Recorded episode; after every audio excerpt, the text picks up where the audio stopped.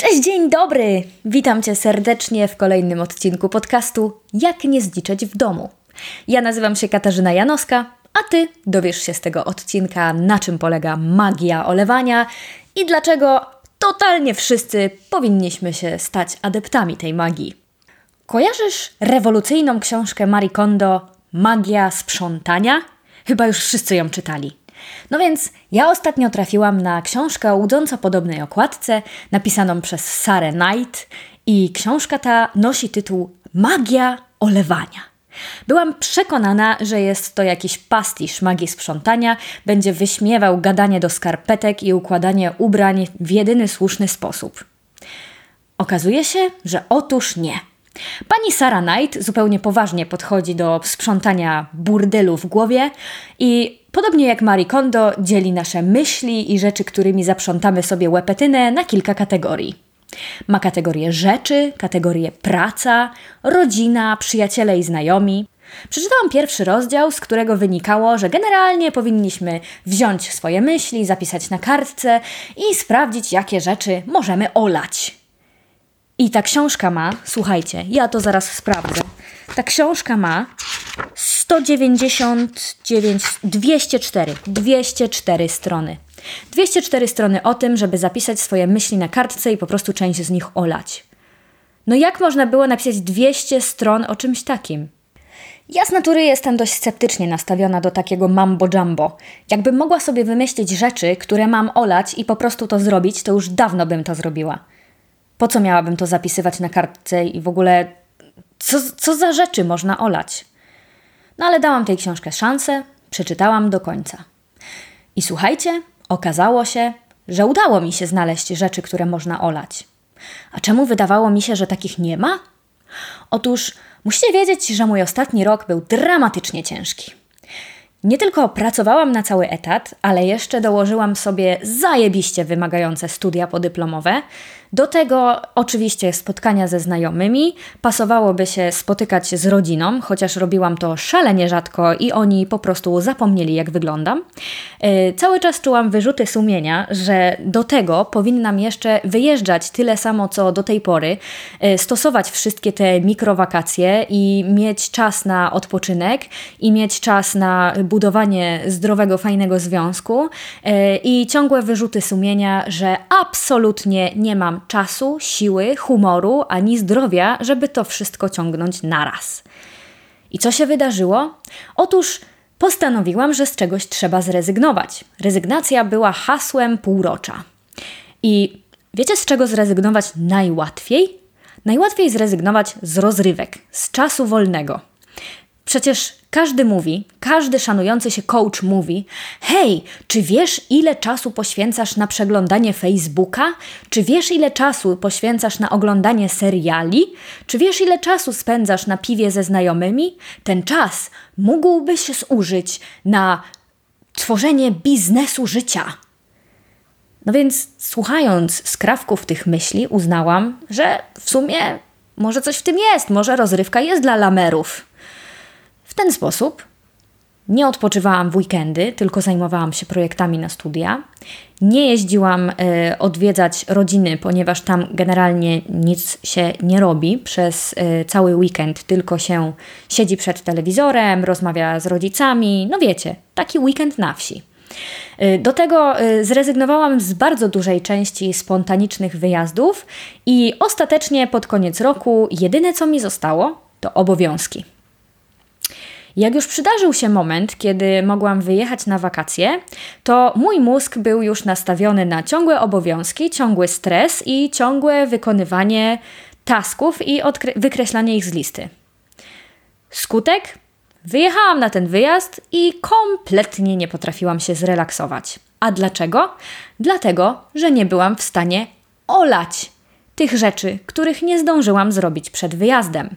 Cały czas procesowałam je gdzieś w głowie i z jednej strony wiedziałam, że jestem na tym wyjeździe ze znajomymi, że jest super wesoło, że y, wszyscy się cieszą, a ja jakoś zupełnie nie potrafiłam się skupić na tej radości. Więc co? Więc postanowiłam naprawdę zabrać się za to, żeby przestać się przejmować rzeczami, które mnie nie dotyczą, przestać przejmować się życiem innych ludzi i przestać nakładać na siebie niesamowitą ilość obowiązków, które tylko pasowałoby zrobić, a nie są takie super ekstra obowiązkowe. No i znowu, łatwo powiedzieć, trudniej zrobić. Wiecie, jaki jest problem y, między rezygnacją z czegoś, a totalnym olaniem czegoś? Różnica, jak się okazuje, jest bardzo zasadnicza. Bo sama rezygnacja z robienia czegoś wcale nie oznacza, że wyzbywamy się wyrzutów sumienia, że tego nie robimy. Tymczasem olanie czegoś jest dużo silniejsze, bo ja nie tylko tego nie robię, ale jeszcze świadomie decyduję się na to, że to totalnie olewam i mam gdzieś jakiekolwiek konsekwencje, które wynikną z nierobienia tego. Czy się ktoś obrazi, czy mnie ktoś nie będzie lubił, czy jakiś projekt nie wyjdzie, czy no fajnie by było, jakby mnie nie zwolnili z pracy, prawda? Więc to jakby najtrudniej olać. Ale no znajdzie się kilka takich rzeczy w pracy, które też spokojnie można olać. I Próbowałam to robić jakoś tak na własną rękę, ale raczej z marnym skutkiem, bo wciąż czułam bardzo wyraźne wyrzuty sumienia i moja głowa wciąż była zajęta miliardem drobnych rzeczy. No i w końcu trafiłam na tą książkę. Przeczytałam całe 204 strony o zapisywaniu myśli na kartce i olewaniu części z nich. I słuchajcie, to jest naprawdę rewolucyjne. To jest jedna z tych książek, które nie mówią nic odkrywczego. Absolutnie niczego się z nich nie uczysz. Ale słowa są w niej tak ułożone, że nagle docierają. I właśnie to się wydarzyło. Zapisałam rzeczy, które mogę olać, zainspirowana tym, co olała Sarah Knight. I na przykład ona zapisała w kategorii rzeczy olewanie jogurtu naturalnego. Serio. Jak można olać jogurt naturalny. Przecież jest głupie. Ale potem pomyślałam sobie, że hej, to wcale nie jest takie głupie. Ja na moją listę bez problemu mogę wpisać znajo znajomość rodzajów wina. Dzięki temu, jak pójdę do restauracji, jak normalny człowiek, z pełną świadomością olewania tematu, po prostu zamówię sobie wino białe albo czerwone. I nie będę się przejmować tym, czy ono rosło na wschodnim czy zachodnim brzegu stoku tej góry.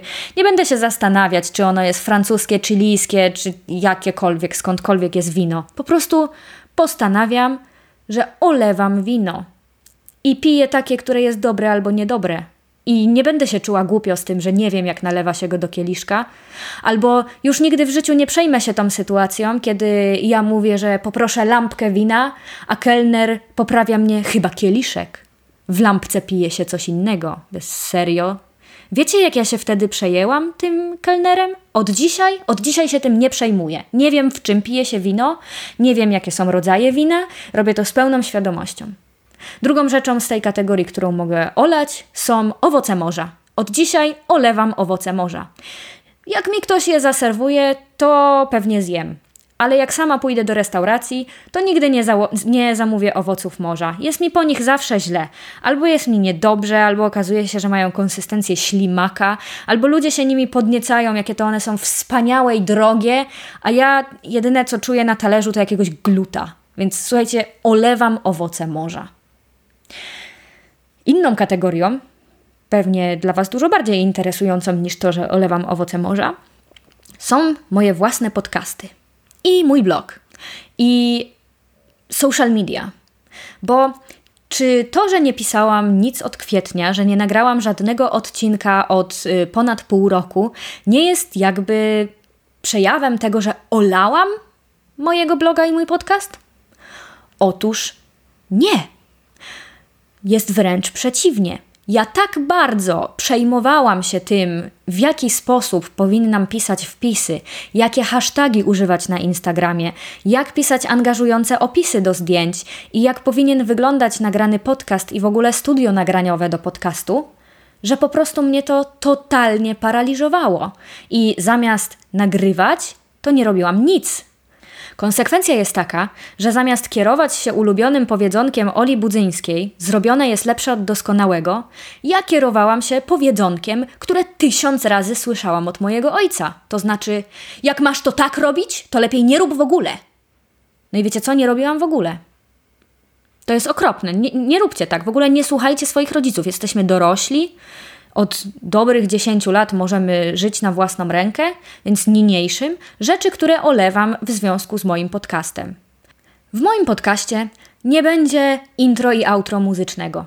Znalezienie odpowiedniej piosenki czy tam utworu to jest po prostu jakieś to, to jest totalnie niemożliwe. Tego się nie da zrobić. Próbowałam już tysiąc razy, próbowałam na próbę wsadzać te, te piosenki. Potem odkrywałam, że ten utwór, który mi się podoba, to kosztuje 100 dolarów. No przecież nie będę wydawać 100 dolarów na 20 sekund utworu, na który nikt nie zwraca uwagi. Więc gdyby ktoś z Was miał ochotę zrobić to dla mnie i, i wybrać za mnie ten utwór, to ja po prostu jestem cała otwarta na propozycje. Ale ja oficjalnie olewam ten temat i nie robię żadnych wstępów ani występów. I w ogóle nie będzie tego. Tego nie będzie w moim podcaście podcaście.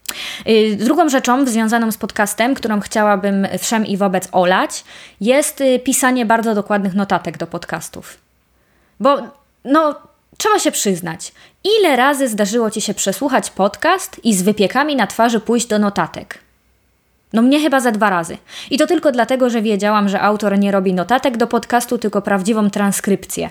To znaczy pamiętałam, że o czymś tam mówił w tym odcinku, nie usłyszałam tej nazwy dokładnie i potem poszłam ją sprawdzić. Więc Mam nadzieję, że jakieś notatki będą, żeby na tej mojej stronie, na tym blogu coś tam się pojawiało w związku z tym, że, że nowy odcinek podcastu powstał, ale oficjalnie olewam pisanie bardzo dokładnych notatek i jak będę miała ochotę, to napiszę, a jak nie, to nie napiszę. O, jeszcze jedna rzecz związana z podcastem, którą y, bardzo chciałabym totalnie olać i nawet zapisałam sobie to na liście i to moje olewanie zainspirowane jest w 100% Okuniewską. Jezu, kocham tą laskę. Przesłuchałam wszystkie jej odcinki od samego początku do końca i kilka to nawet po dwa albo trzy razy i, i to wszystko w miesiąc. Jeżeli jeszcze nie słuchaliście Okuniewskiej, to tu Okuniewska. To będzie link w notatkach do podcastu, jak nic. Musicie to przesłuchać.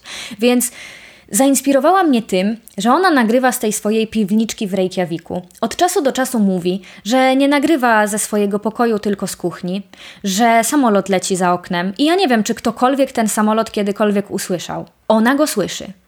I Wtedy doszło do mnie, że jeżeli kocham Okuniewską całym swoim serduszkiem i słucham niektórych jej odcinków po kilka razy i w ogóle nie przeszkadza mi, że tam jakieś dziecko sąsiada, remont, samolot przelatujący, czy nawet współlokatorzy, którzy przygotowują obiad, to dlaczego moim słuchaczom miałoby przeszkadzać, że w tle chodzi zegarek? Albo że lodówka się włączyła. Mój mikrofon pewnie i tak nie zbierze tego dźwięku. No więc niniejszym olewam dźwięki z tła. I już miałam zapisać na tej kartce, a w zasadzie zapisałam przed rozpoczęciem tego nagrywania, że olewam budowanie skomplikowanych konstrukcji wygłuszającej do nagrywania podcastów. Koniec cytatu. No, jak nagrałam kilka scenek yy, takich początkowych, żeby sprawdzić mój nowy setup, to okazało się, że jeszcze we mnie zostało trochę tego perfekcjonizmu i jednak nie zrezygnuję z budowania tych skomplikowanych konstrukcji. Tak więc Niniejszym otoczona jestem y, poduszką z kanapy, y, kołdrą powieszoną na dwóch krzesłach, siedzę na kanapie, a przy ścianie ustawiłam jeszcze kilka innych poduch, żeby chociaż trochę zniwelować echo mojej kamienicy.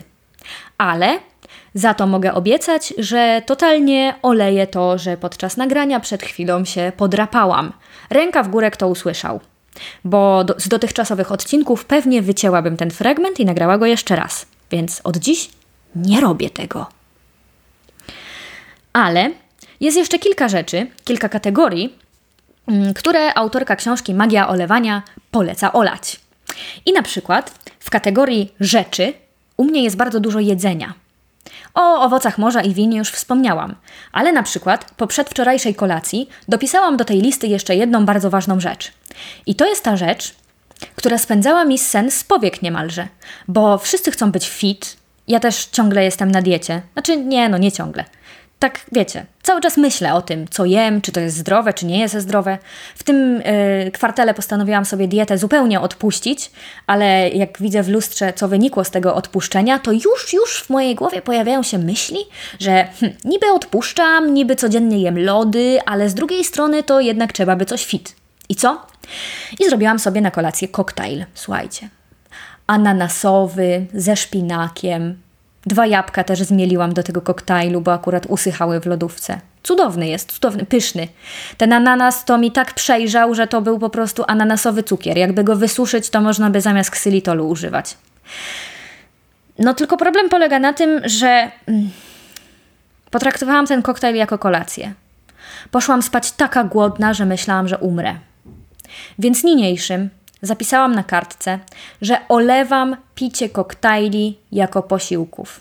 Koktajl to sobie można potraktować jako słodycz, jako przekąskę, jako coś w ogóle pomiędzy przekąską a posiłkiem. Ale na pewno nikt mi nie wmówi, że koktajl to jest sycący posiłek i te wszystkie kalorie z tego ananasa i z tego szpinaku powinnam doliczyć do puli kalorii, które zjadam podczas posiłków. No nie i koniec. Niektórzy tak podobno mają, że się potrafią tym najeść. Ja totalnie nie.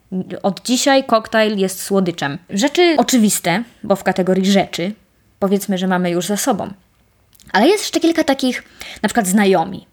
To, to, to jest taka kategoria, że ja, ja, już chyba wykluczyłam ze swojego życia wszystkich e, strasznych ludzi, z którymi głupio mi było gadać i utrzymywałam tą znajomość tylko dlatego, że by pasowało. No więc ja do mojej kartki, drodzy znajomi, jeśli słuchacie, to to właśnie do Was, dopisałam że olewam urodzinowe zbiórki na Facebooku.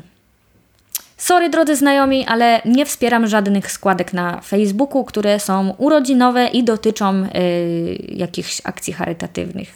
Ko kolejną rzeczą, taką związaną ze znajomymi, co ciekawe, znowu bardzo cyfrową i związaną z Facebookiem, jest lajkowanie fanpage'y i śledzenie profili na Instagramie.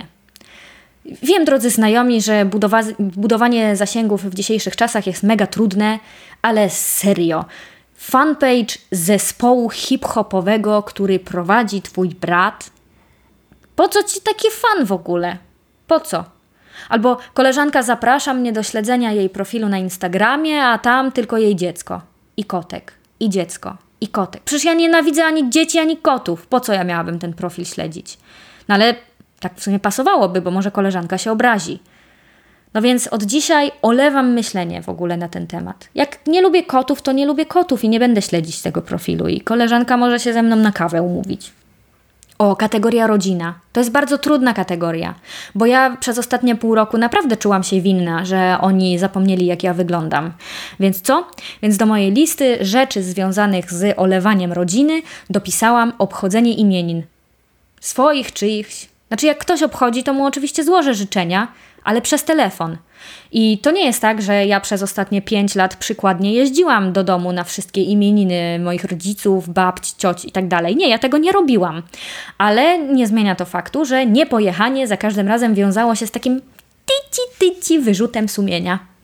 Więc od dzisiaj zapisałam te imieniny na kartce i już nie będę czuć wyrzutów sumienia, że mnie tam nie ma bardzo chętnie pospędzam z nimi czas, jak będę tam, jak y, odwiedziny w, ro- w domu rodzinnym będą, y, że tak powiem, wpisane do mojego kalendarza, ale od dzisiaj nie czuję wyrzutów sumienia, że nie jeżdżę tam akurat wtedy, kiedy ktoś ma imieniny. Proste? Proste. Dlaczego więc wszyscy powinniśmy stosować magię olewania? To nie chodzi o to, żeby być zołzą, i nie chodzi o to, żeby ludzie cię nienawidzili i żeby uważali cię za totalnego chama, który nie chce innym pomagać. To raczej chodzi o takie zdrowie psychiczne, że wiesz, że czegoś nie robisz, i po prostu postanawiasz nie mieć na ten temat wyrzutów sumienia. I nie zastanawiasz się 40 razy, czy ty lubisz ten jogurt naturalny, czy ty nie lubisz, czy ty pijesz te koktajle jako kolację, czy nie, czy to pasuje, czy nie pasuje. Po prostu postanawiasz raz, a dobrze i już, jest postanowione. Nie trzeba sobie zajmować przestrzeni umysłowej za każdym razem, kiedy ktoś proponuje koktajl na kolację. Po prostu to nie jest kolacja, to nie jest jedzenie, to są słodycze. Jak nie picie koktajli na kolację ma się do podtytułu książki, czyli jak przestać spędzać czas, którego się nie ma, z ludźmi, których się nie lubi, robiąc rzeczy, których się nie chce robić? Myślę, że ma się całkiem nieźle wbrew pozorom, bo tyle czasu, ile zaoszczędza się na unikaniu odpowiedzi na jakieś pytanie, na wymyślanie wymówek, żeby się z kimś nie spotkać, albo na zastanawianiu się, czy ja dzisiaj ten koktajl wypiję, czy nie. Więc cały ten czas i całą tą umysłową energię, którą się na to marnuje, na te mikromaleńkie rzeczy, te mikromaleńkie decyzje, które podejmujemy codziennie, możemy całkiem efektywnie spędzić y, na rzeczy, które lubimy robić. Na przykład taki Steve Jobs, zresztą podobnie jak Mark Zuckerberg, mm, postanowili, że będą się ubierać w jeden sposób. U Steve'a Jobsa był to czysty przypadek, ale nie zmienia to faktu, że do końca życia praktycznie ubierał się w ten swój słynny czarny golf. Za to Mark Zuckerberg codziennie ubiera się w ten okropny szary t-shirt. No i oni właśnie w ramach olewania rzeczy olali wybieranie ubrań co rano.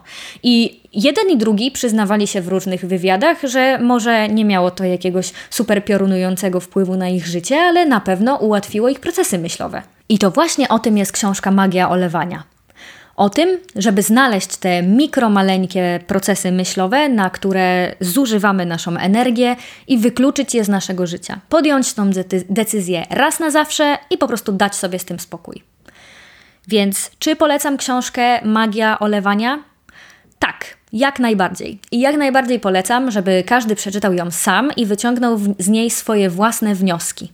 Tak samo jak y, książka Marie Kondo na każdego ma inny wpływ. I dla mnie na przykład zupełnie absurdalnym pomysłem byłoby rozmawianie z moimi skarpetkami i dziękowanie moim rzeczom, że dobrze spełniły swoją rolę, zanim wsadzę je do śmietnika. Tak, y, jeśli chodzi o książkę Sary Knight, to zupełnie idiotycznym pomysłem byłoby dla mnie y, stawianie się mojemu szefowi i mówienie, że nie będę przychodzić na wideokonferencję, bo hej, pracuję zdalnie. Wideokonferencje to jedyny sposób komunikacji z pracownikami. Więc y, niech każdy przeczyta sam, wybierze swoją własną listę rzeczy do olania i koniecznie dajcie znać w komentarzach pod notatkami do tego podcastu, które, a jakże, napisałam przed nagraniem. Y, jakie rzeczy już teraz, jeszcze przed przeczytaniem książki, postanawiacie totalnie olać? Jedna mała rzecz. A te dodatki jak zwykle będą na katarzynajanoska.pl ukośnik podcast ukośnik 04. Dawajcie do komentarzy. Pa!